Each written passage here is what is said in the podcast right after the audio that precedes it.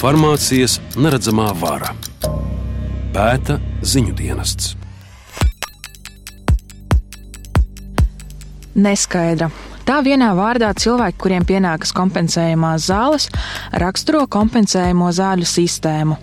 Tā nosaka, cik lielu summu no valsts apmaksātā medikamenta cenas sedz valsts un cik jāpiemaksā pašam pacientam.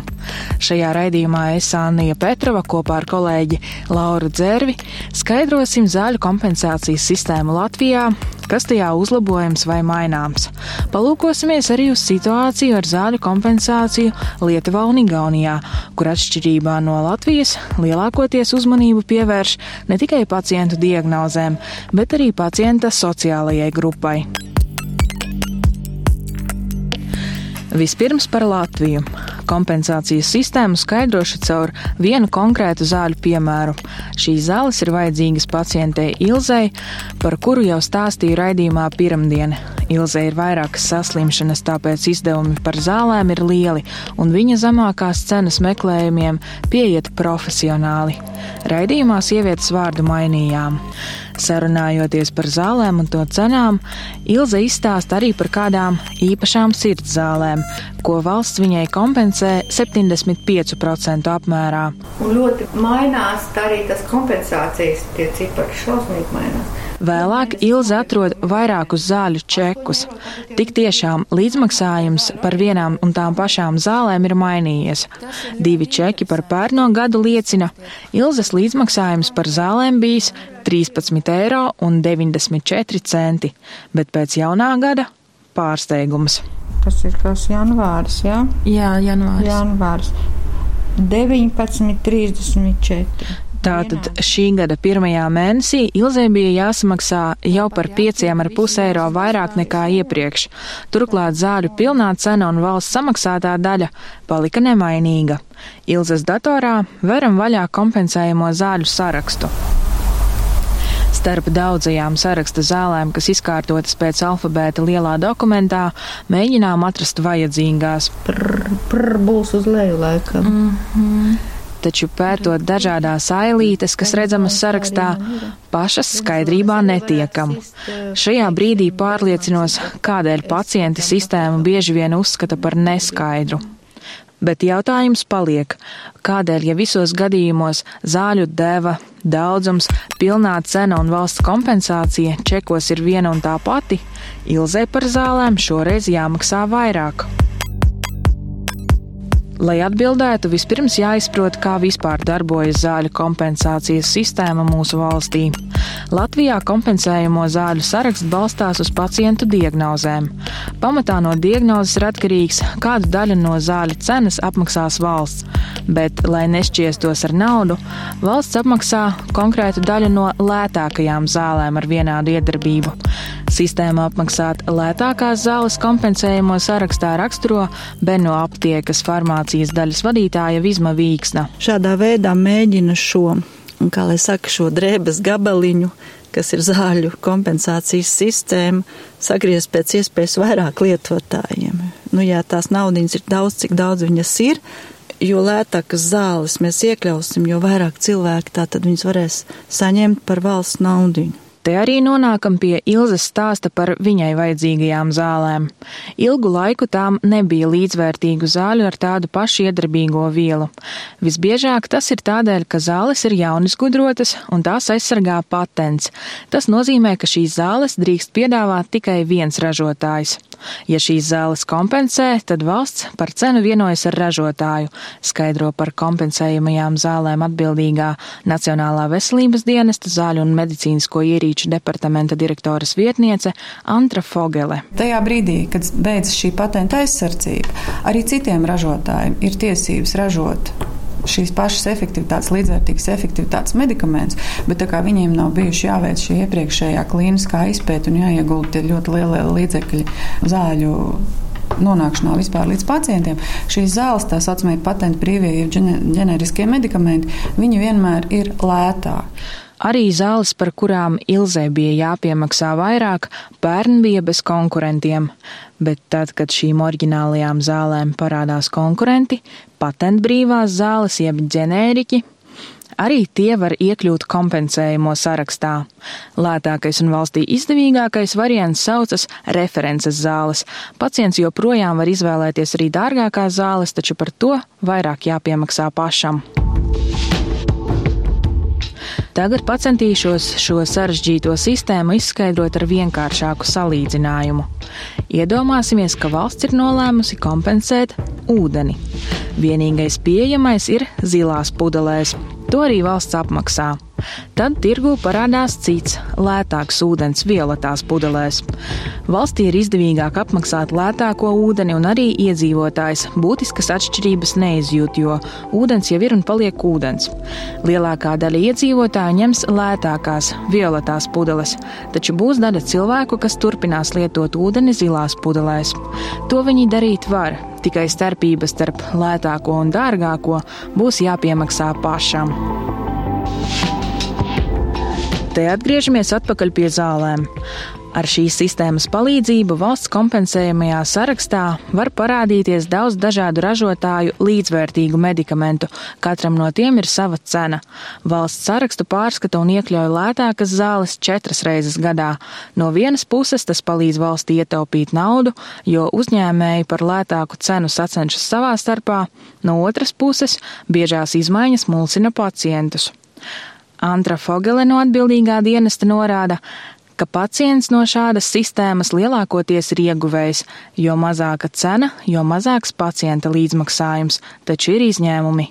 Turpina Fogele. Ja pacients ir teiksim, kādu laiku lietojis oriģinālo medikamentu un grib turpināt šī oriģinālā medikamenta lietošanu, tad, protams, šī starpība starp references medikamentu un oriģinālā medikamenta izmaksām pieaug visu laiku. Un šī starpība ir jāsadz pacientam. Un tā ir atbilde uz jautājumu, kāpēc eh, tik bieži mainās piemaksas kādam medikamentam, jo sarakstā visu laiku nāk iekšā jauni medikamenti. Šis arī izskaidro, kādēļ no jaunā gada ilzas līdzmaksājums pieauga par vairāk nekā 5 eiro. Tirgū ienāca lētāks medikaments ar līdzvērtīgu efektivitāti. Tā kā viņa izvēlējās pirkt ierastās, nevis lētākās zāles, tad tagad Ilzai bija jāsamaksā starpība. Veselības ministrija ir apkopojusi datus, cik pacienti ir pārmaksājuši izvēloties nereferences jeb dārgākas zāles, atklāja farmācijas departamenta direktore Inese Kaupere. Un to, ko pacients piemaksājis izvēloties nereferences zāles, ir ap 23 miljoniem. Tam esot jāpievērš uzmanība, jo šis fakts liecina par neracionālu zāļu lietošanu. Respektīvi, pacients eh, lieto realitātē šo te dārgāko terapiju, par kur ir jāpiemaksā vairāk. Pēc līdzīgiem principiem strādā kompensējumu zāļu sistēma arī Lietuvā un Igaunijā, taču ir būtiskas atšķirības. Latvijā sistēma pamatā balstīta uz pacienta diagnozi. Citās valstīs atvieglojumi ir arī pensionāriem un cilvēkiem ar invaliditāti. Piemēram, Igaunijā ir vairāki atbalsta mehānismi. Cilvēkiem ar invaliditāti un pensionāriem noteiktas zāles apmaksā lielākā apmērā nekā citiem. Kāpēc? Turpina Igaunijas sociālo lietu ministrijas pārstāve Katrīna Pudersela. Tā kā pensijas mums nav pārāk augstas, ap 3 vai 400 eiro mēnesī, var teikt, šī iedzīvotāja grupa ir ar zemiem ienākumiem. Statistikas dati liecina, ka vidējā pensija Igaunijā pērn bija 390 eiro, kas ir gandrīz par 90 eiro vairāk nekā Latvijā. Igaunijā arī valsts iedzīvotājiem neļauj iztērēt pārāk lielas naudas summas par valsts kompensējumajām zālēm, stāstīja Igaunijas sociālo lietu ministrijas pārstāve Katrīna Pudersela itself, but um, uh, out. Šobrīd tā strādā kā naudas atmaksāšana. Ja pacients gadā iztērējis kādu naudas summu, tad veselības apdrošināšanas fonds aprēķina, cik daudz naudas jāatmaksā, un to pacientam arī izmaksā. Taču šī sistēma nav ļoti ērta. Cilvēkam reizēm ir diezgan ilgi jāgaida, lai atgūtu naudu - ceturksni vai pat ilgāk, un naudas summas bieži vien nemaz nav mazas. Tāpēc Igaunijā sistēmu no nākamā gada janvāra padarīs ērtāku. Ja pacients gadā par kompensējumajām zālēm būs iztērējis vairāk nekā 100 eiro, no tālākajiem izdevumiem varēs atgūt pusi.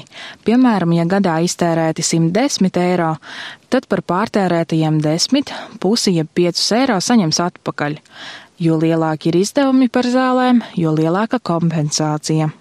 Arī Lietuvā sociālajām grupām pievērš īpašu uzmanību. Tur pensionāriem ir mazākā vidējā pensija Baltijas valstīs - 255 eiro. Lietuvā ir ieviests īpašs papildu kompensējumu zāļu saraksts. Tajā pārsvarā ir antibiotikas. Pensionāriem tās apmaksā 50% apmērā, tomēr arī Lietuvā ir diskusijas par pacientu izmaksām. Līdzmaksājumi, ko mūsu pacienti maksā par zālēm, ir augsti salīdzinot ar citām Eiropas valstīm. Tā stāsta Lietuvas veselības viceministre Kristīna Garoliene. Viņa norāda, ka zāļu cenas mazinātos, ja cilvēki vairāk izvēlētos lētākas, ģenēriskās zāles. Lai pacienti izvēlētos tieši lētākos medikamentus, Lietuva no kompensējamo zāļu saraksta nesen izslēdza dārgākās alternatīvas. Tātad, ja pacients vēlas pirkt šīs dārgākās alternatīvas, tad viņam pašam jāmaksā pilna cena, nevis tikai starpība, kā tas ir Latvijā. Baltijas valstīs zāļu un medicīnisko ierīču kompensācijas budžets atšķiras. Ja rēķina uz vienu iedzīvotāju, tērējam vismazāk - tikai 75 eiro. Lietuva nedaudz vairāk - 79, savukārt Igaunija visvairāk - 100 eiro. Latvijas kompensējumu zāļu saraksts nav ideāls, atzīst Rīgas Stradiņa Universitātes farmācijas fakultātes docente un biedrības veselības projekti Latvijai pārstāve Elita Poplāvska. Tajā pašā laikā tāds būtisks zāles, kas nepieciešams hroniskiem pacientiem, tad tur ir, nu, teiksim, tam pašam cukura diabētam, paaugstinātam asinsspiedam, vasmas pacientiem tad tā zāles ir iekļautas šajā kompensācijas sarakstā un viņas arī tiek kompensētas. Daudzi sistēmā iesaistītie uzskata, ka kompensējumu zāļu saraksts ir jāpaplašina. Pēc Elitas Paplavskas domām tas palielinātu zāļu pieejamību pārāk gausu rīcību, iekļaujot jaunas zāles kompensējumu sarakstā, ministrijai pārmet Starptautisko inovatīvo farmaceitisko firmu asociācijas vadītāja Anda Blumberga. Var pateikt, ka šobrīd uz iekļaušanu kompensācijas zāļu sarakstā ir rinda, sākot jau no 13. gada. Tas ir milzīgs saraksts. Ar kompensācijas sistēmas palīdzību valsts var arī rūpīgāk pieskatīt un regulēt zāļu cenas, turpina veselības ministrijas pārstāve Inesa Kaupere. Mums ir kontrolētas zāļu zāļu cenas, bet tās ir kompensējumām zālēm. Un brīvajā tirgū šobrīd ir piecinojuma griesti, bet respektīvi cenu kontrole kā tāda, nu, piemēram, salīdzinot ar citām valstīm, un tā, tā netiek veikta. Un līdz ar to viss, ko respektīvi valsts apmaksā, tas tā kā tiek pakļauts kontrolē un arī cenas, un, jā, un, un viņas krīt tā kā uz leju, un tām pārējām zālēm, respektīvi, nu, pa to kritienu mēs, tā, mēs arī nevarētu runāt par celšanos zāļu cenu, bet īsta kritienu, nu, kā lai saka, motivēt viņus visu laiku mudināt kaut kā samazināt šīs cenas, tas arī nenotiek. Palielinot kompensējumu zāļu sarakstu, valsts rīcībā būs vairāk instrumentu, kā stimulēt konkurenci, norāda arī Elita Paplavska. Tomēr tad valstī jārēķinās ar lielākām izmaksām.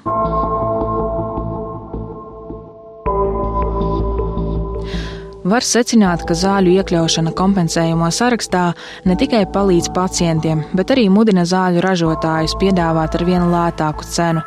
No tā iegūs ne tikai valsts maksa, bet arī pacienti. Ja raugās uz kaimiņu valstīm, ir kompensācijas sistēmas aspekti, kas liekas pievilcīgi. Piemēram, lielākas kompensācijas pensionāriem un cilvēkiem ar invaliditāti vai atbalsts, ja par zālēm tēriņi tiešām lieli. Bet, ja mēs gribētu iet Igaunijas vai Lietuvas ceļu, atbildīgajās iestādēs apgalvo, mūsu sistēma būtu pilnībā jāpārveido.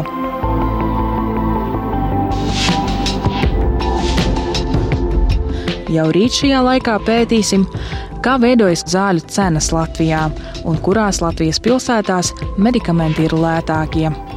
Jūsu stāstus un informāciju par farmācijas neredzamo varu uzklausīsim arī pa Latvijas radio ziņu dienesta karsto tālruni 254 150 33.